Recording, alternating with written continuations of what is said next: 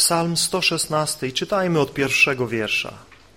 Miłuję Jahwe, bo usłyszał mój głos i moje prośby. Nakłonił bowiem swego ucha ku mnie. Dlatego będę go wzywał za moich dni.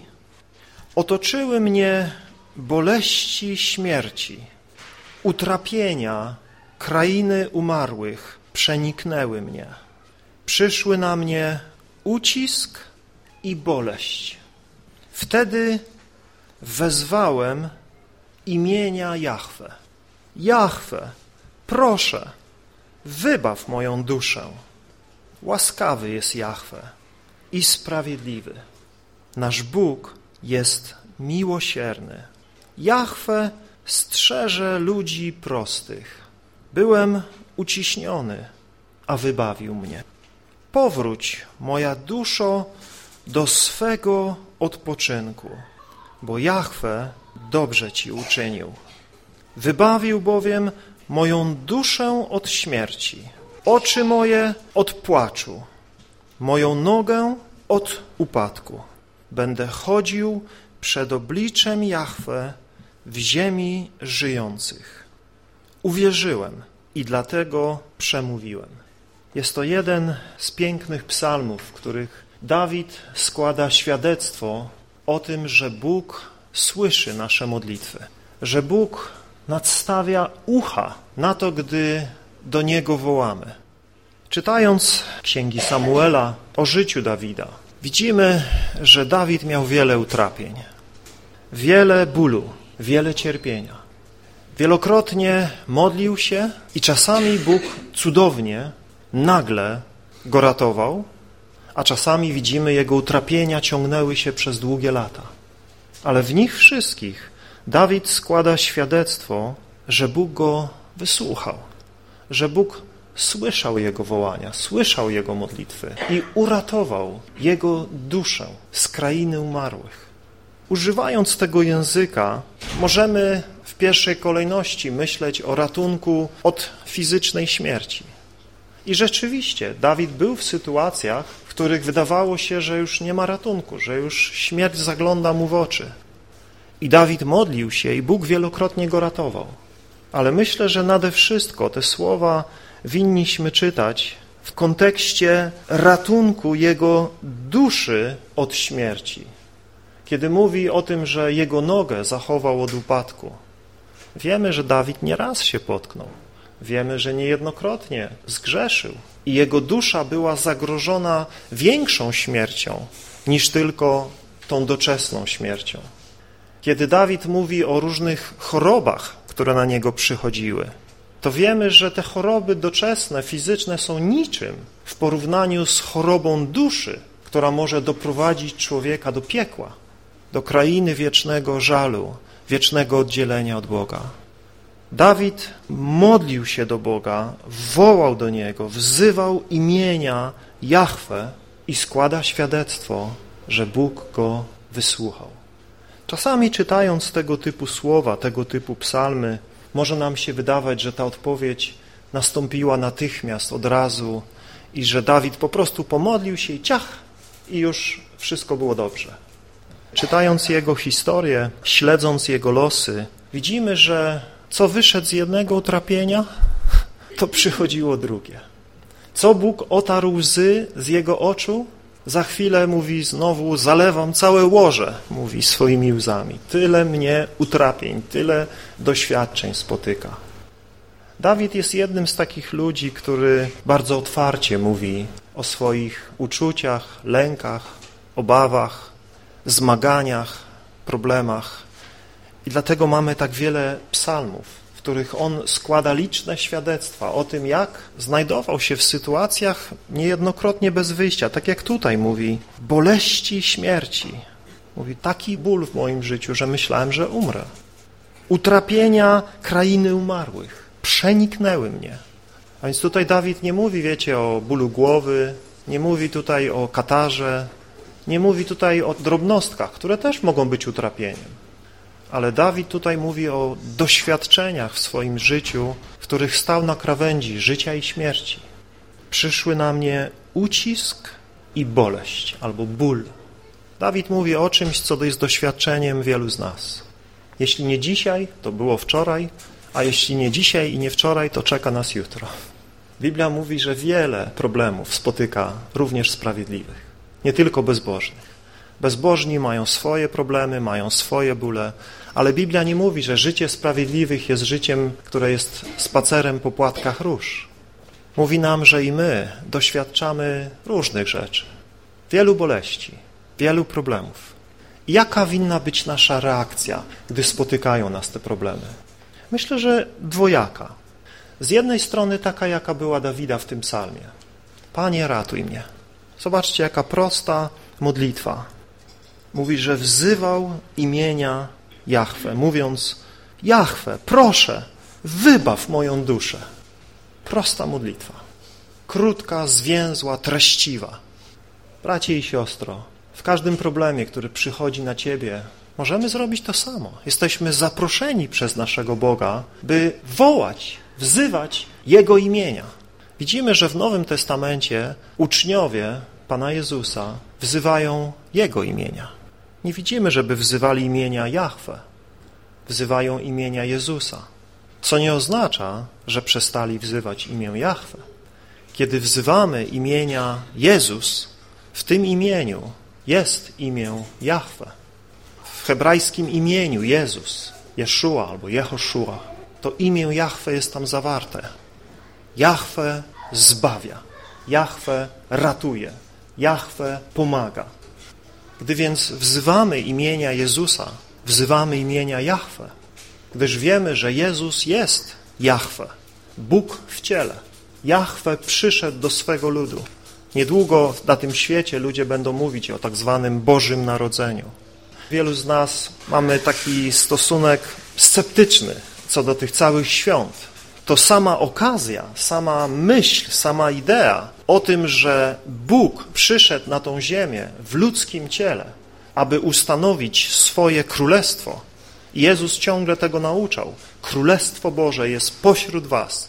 Bóg w swej władzy jest pośród was. I w Nim widzimy to królestwo, a później Jezus do nas mówi, aby się dalej modlić. Przyjdź królestwo Twoje.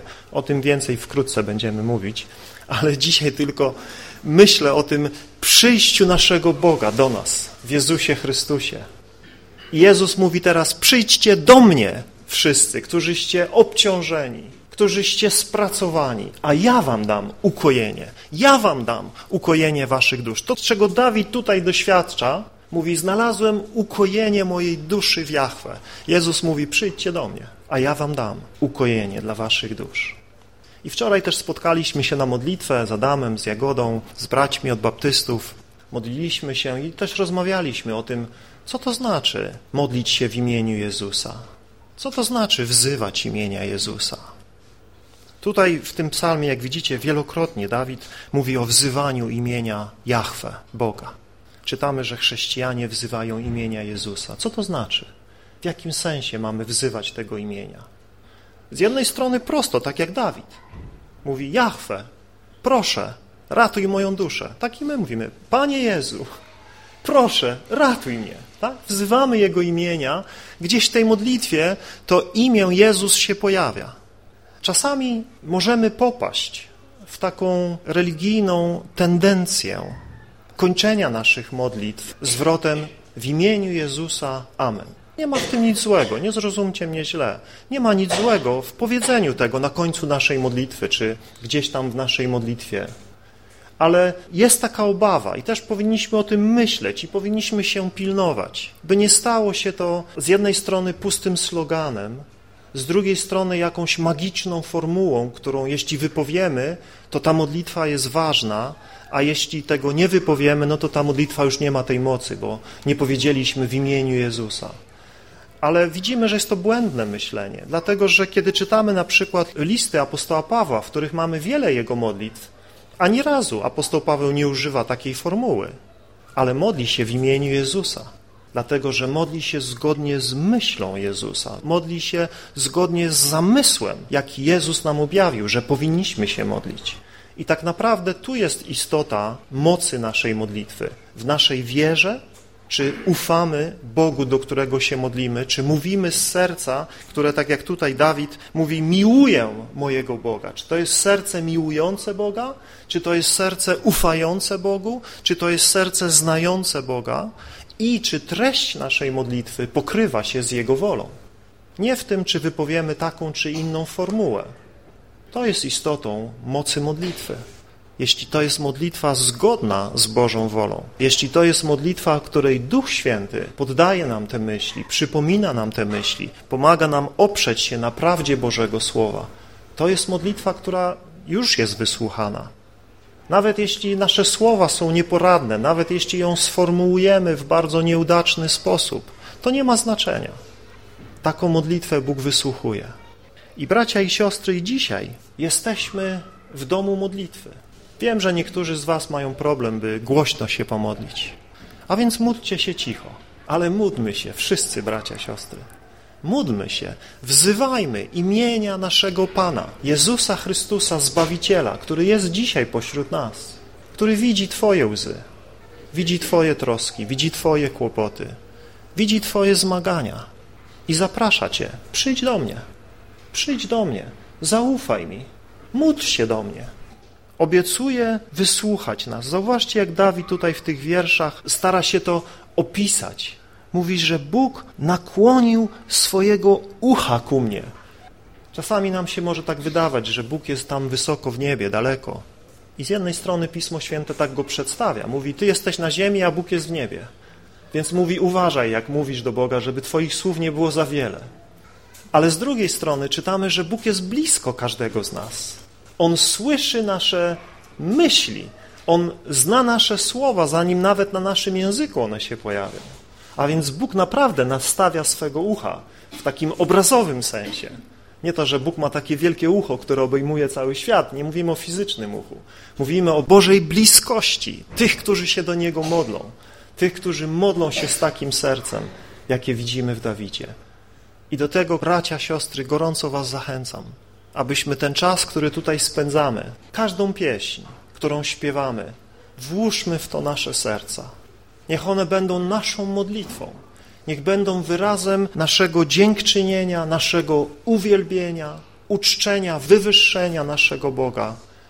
I niech też pomogą nam złożyć nasze troski na Niego, bo On ma o nas staranie.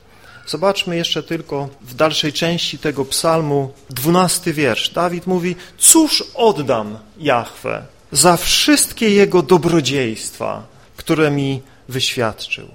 Mam nadzieję, że takie pytanie też pojawia się czasami w naszych sercach. Boże, co ja mogę Ci dać?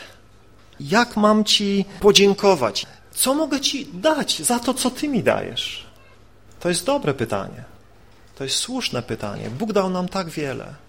I jeśli naprawdę jesteśmy świadomi tych licznych, hojnych błogosławieństw, jakie Bóg na nas wylał w Jezusie Chrystusie, w swojej wielkiej łasce, nasze serca winny być pełne wdzięczności, opływać w dziękczynienie i w pragnienie zrobienia czegoś dla Boga, dania czegoś Bogu. Dawid mówi, co oddam Jahwe za wszystkie Jego dobrodziejstwa, które mi wyświadczył? I zobaczcie, jaka jest jego odpowiedź. Mówi, wezmę kielich zbawienia, albo w innych przekładach podniosę kielich zbawienia, bo tam jest takie słowo, które oznacza podnieść do góry. Podniosę kielich zbawienia i będę wzywać imienia Jahwe. W tym podniesieniu kielicha zbawienia możemy zobaczyć dwie rzeczy – z jednej strony to może być podniesienie kielicha, aby z niego pić. Podniosę kielich zbawienia, innymi słowy, będę pił z kielicha zbawienia. Podniosę, aby wypić, aby się nasycić zbawieniem, aby moja dusza była przeniknięta tą świadomością, że Bóg jest moim Zbawicielem i On jest moim ratunkiem i On jest moją pomocą i ja jestem w Nim zbawiony jeśli ta myśl, ta prawda przenika nasze dusze, a winna, bardziej niż wypędzanie demonów, bardziej niż wskrzeszanie umarłych, bardziej niż uzdrawianie chorych, radość z naszego zbawienia. Kiedy uczniowie pewnego razu powrócili z wyprawy, na którą Pan Jezus ich wysłał, by głosić Ewangelię i czynić cuda, oni byli podekscytowani cudami, byli podekscytowani tą mocą Bożą, która towarzyszyła ich zwiastowaniu. A Jezus mówi, wiecie co, nie radujcie się z tego. Jak to nie? Jak to się nie radować z tego, że ludzie zostali wyzwoleni z mocy diabła, że chorzy zostali uzdrowieni, że oczy ślepych się otwarły, że martwi nawet zostali wskrzeszeni. A Jezus mówi, radujcie się z tego, że wasze imiona są zapisane w Księdze Życia. To jest powód radości każdego chrześcijanina w każdych okolicznościach, w każdej sytuacji w każdym utrapieniu, w każdym doświadczeniu. Cokolwiek innego jest niepewne i zmienne. Jeśli uchwyciliśmy się naszego Boga, Pana Jezusa Chrystusa, nasze zbawienie jest pewne w Nim. I możemy radować się, że i nasze imiona są zapisane w Księdze Życia. Radość z naszego zbawienia. Kiedy Dawid zgrzeszył, kiedy Dawid upadł, kiedy Dawidowi było źle, modlił się, Boże, przywróć mi, przywróć mi radość z Twojego zbawienia. Czy radość z Bożego zbawienia jest Twoją radością, drogi bracie, moją radością, Twoją radością, droga siostro? Czy każdego dnia dziękujesz Mu za to wielkie zbawienie i czy radujesz się tym, czy tylko to gdzieś stało się znowu jakimś przyzwyczajeniem? czy rzeczywiście nadal się radujemy z naszego zbawienia. Dawid mówi, wezmę kielich zbawienia. Będę się rozkoszował tym zbawieniem, jak ludzie rozkoszują się dobrym winem. A z drugiej strony to podniesienie tego kielicha zbawienia może też oznaczać ogłaszanie tego zbawienia. Mówienie, Bóg jest zbawieniem. W Nim jest zbawienie, w Nim jest ratunek. Zobaczcie wszyscy. Podnosimy ten kielich, zachęcając innych, by też się z niego napili, by z niego skorzystali, zapraszając ludzi wokół do tego wielkiego zbawienia, które Bóg nam zgotował. Podniosę kielich zbawienia i będę wzywać imienia Jahwe. Będę wzywał Jego imienia, będę dalej się modlił, będę Mu dalej ufał, będę na Nim polegał. I do tego dzisiaj, bracia, siostry, chciałbym Was na nowo i na nowo zachęcać abyśmy wpatrywali się w naszego Boga, który jest naszym zbawieniem w każdej naszej sytuacji, w każdym problemie, w każdym doświadczeniu. On jest naszym zbawieniem. Możemy polegać na różnych rzeczach w tym świecie i dzięki Bogu za te wszystkie rzeczy, które Bóg nam dał, na których możemy w jakiejś mierze polegać, z nich możemy korzystać, one mogą być jakąś pomocą, wsparciem i tak. Ale w nich wszystkich nie możemy zapominać, kto jest źródłem tego wszystkiego, kto jest dawcą tego wszystkiego, od kogo pochodzi wszelkie nasze dobro. I kiedy dziękujemy bratu, siostrze, kiedy dziękujemy pani w sklepie za zakupy, kiedy dziękujemy lekarzowi za poradę, za pomoc, to nie jest koniec. My zawsze winniśmy dziękować temu, od którego to dobro pochodzi i Jemu oddawać chwałę we wszystkim, we wszystkim. On jest godzien naszej chwały. Więc i dzisiaj, bracia, siostry, podnieśmy nasze serca, podnieśmy ten kielich zbawienia, sami się nim rozkoszujmy i opowiadajmy o tym wielkim zbawieniu. I kiedy stąd wyjdziemy, tym bardziej, tam w świecie potrzeba, żebyśmy o tym opowiadali. I módlmy się, wołajmy do naszego Pana, wzywajmy Jego imienia, wywyższajmy Go. Niechaj Bóg dotyka naszych serc, niechaj da nam na nowo radować się Nim samym i Jego wielkim zbawieniem. Powstańmy, proszę. Panie, i my dzisiaj jesteśmy wdzięczni, że możemy przyjść do Ciebie, naszego Boga, naszego Zbawiciela, Odkupiciela, który umiłował nas wieczną miłością i poświęcił siebie samego, by nas ratować. Panie Jezu Chryste, wielbimy Ciebie, Synu Boży, który stałeś się człowiekiem i oddałeś swoje życie za nas. Dziękujemy Ci za Twoją miłość, która objawiła się w Twoim przyjściu na ten świat w słabym ludzkim ciele, w znoszeniu tych wszystkich ludzkich słabości, niezrozumienia, wrogości, cierpienia. Ty byłeś mężem boleści, doświadczonym w cierpieniu, a jednak w tym wszystkim widzimy Ciebie pełnego radości, widzimy Ciebie modlącego się, Widzimy Ciebie ufającego Ojcu i modlącego się czasami z wielkim wołaniem i ze łzami. I Twoja dusza została wybawiona. I Ty, Panie, swoje czyste, święte życie złożyłeś za nas, aby nasza dusza była uratowana.